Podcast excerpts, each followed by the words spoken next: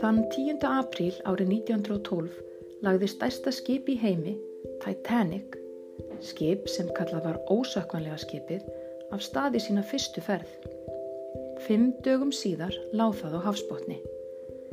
Í þessum þætti ætla ég að fjalla um örlagaríku jómfrúarferð þessa stórkoslega skips og hvernig saga þess lýsir samfélagsgerðinni á þessum tíma. Við gerð hans stuttist ég að mestu við kaplan Titanic, samfélag í smækkari mynd, á blaðsíðu fjögur til 15 í kjenslubókin okkar, styrjaldir og kreppa. Einni kíkti ég á Vísindavefin og Wikipedia til að næla mér í auka fróðleik. Þann 10. apríl árið 1912 lagði stærsta farþegarskip í heimi af stað í sína fyrstu ferð eða jómfrúarferð eins og það er oft kallað frá Southampton í Breitlandi til New York borgar í Bandaríkjónum. Skipið hétt Titanic og var dýrasta og flottasta skip sem hafði verið smíðað. Þar voru til dæmis matsölustafir, íþróttasalir, sundlög, bókasapn og kaffihús og var það kallað skipið sem getur ekki sokkið. En samt gerði það það einmitt eftir aðeins fjóra daga á syklingu. Það rakst á borgarísjaka og á tveimur og hálfri klukkustund sökk það og 1500 manns letu lífið.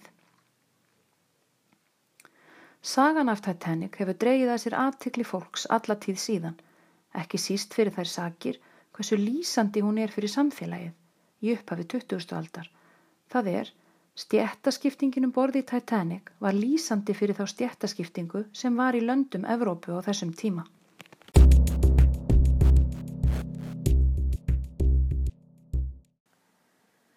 Í fyrra lærðum við um yðbyltinguna, um það þegar tæknin tók að riðja sér til rúms og verksmiður jöku framlegslu til muna og gerði mörgum kleift að fá vinnu í þjættbíli. Einhver ykkar muna kannski eftir Spinning Jenny eða þegar við töluðum um vinnuskilriðin, hvað var slæmt loftin í versmiðjónum og um réttinda barátu verkafólks sem vann hörðum höndum langa vinnudaga fyrir lítið kaup. Á Íslandi vorum við þó aðeins á eftir og flest fólk enn í sveitum og Reykjavík aðeins um 6.500 manna bær. Til samanburðar þá búa núna 19.000 manns á Akureyri. Þannig að Reykjavík á þessum tíma var mun minni en Akureyri núna. Á meðan voru að myndast stórborgir um alla Evrópu og mikill auður að skapast en auðnum, það er að segja peningum og egnum, var misskipt. Þeir sem áttu verksmiður eða verslanir áttu mest af honum. Þeir voru nú komnir í yfirstjett til þeirra sem voru af aðalsættum og höfðu erft titla sína á auðæfi eins og við fjöldluðum einmitt um í fyrra líka. Svo var það millistjettin sem var stöðugt að stækka. Fólkið sem tilherði henni hafði fengið góða mentun og gatt fyrir unni sér inn fyrir góðum launum. Það var ekki ríkt en hafði það þokkalegt. Að lokum var það lástjettin, verkafólkið í verksmiðunum, þjónustu fólk og vinnufólk í sveitum, fólk sem vann langan vinnudag en fekk lág laun. Þetta var svo fólki sem þurfti að taka börnin sín snemma úr skóla svo þau getur líka unni fyrir fjölskylduna. Það var því hægt við að fjölskyldur festust í lástjettinni því þau gátt ekki sótt mentun.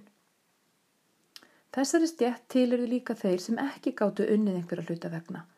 Til dæmis fengu enga vinnu, þar að segja atvinnuleysir, eða hafðu ekki hilsu til að vinna, eða öryrkjar.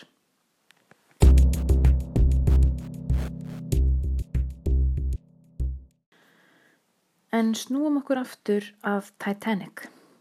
Með skipinu sildu 2200 manneskur og af þeim tilhyrðu 900 áhöfninni, það er þeir sem unnu á skipinu, allt frá skipstjóra til þeirra sem unnu við að móka kólum í opnana til að framleiða gufuna sem síðan knúði skipið. Farþegar skipsins keftu miða sem voru mistýrir eftir því hvar í skipinu fólkið fekk plás. Alveg eins og í flugvél, þar sem farþegar á fyrsta farið með borga mest, en almennir farþegar minnst og eins og gefur að skilja er meiri luxus hjá þeim sem borga meira. Marga dreymdi um betra líf í Ameríku og spöruðu því pening í mörg ár til að komast þangað. Flestir farþegana voru á þriðja farimi, lástjættarfariminu, þar sem fólk svaf í kójum neðist í skipinu. Þau ríkustu, fólkið á fyrsta farimi, hafði káetur sem voru eins og íbúðir með breyðum rúmum og fínir í. Þau sem voru svo á öðru farimi voru líka í káetum en allt var íburðar minna. Það er minna og ekki eins fínt.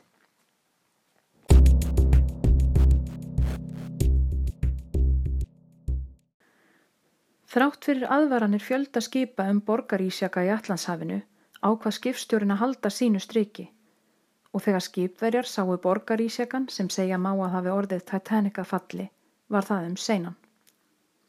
Ísjakin risti langa rifu á skipskrokkin neðansjávar. Sjór streymdi inn í skipið og það sökk á tveimur og hálfri klukkustund.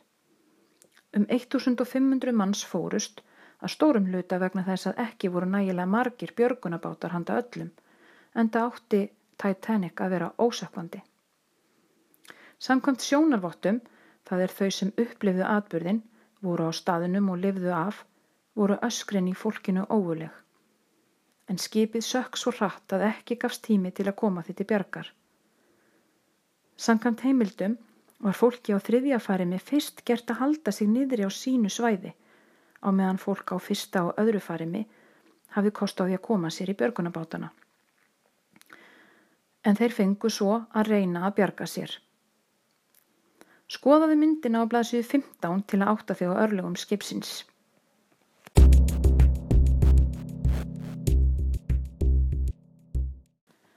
Árið 1997 var frumsýnd kvikmyndin Titanic í leikstjórn James Cameron þar sem Leonardo DiCaprio og Kate Winslet eru í aðalutverkum. Ástarsaga personana sem þau leika í myndin er skaldskapur en þrátt fyrir það var gríðarlega vinna lögð í að gera alla umgjörð þannig að hún líktist sem mest því sem átti sér stað í raunveruleikanum. Hún gefi því góða mynd af lífinu um borð og örlög þeirra sem þar voru. Lægið sem við heyrum hér stuttan bút úr, My Heart Will Go On með Celine Dion, er úr kvikmyndinni. Takk fyrir að hlusta.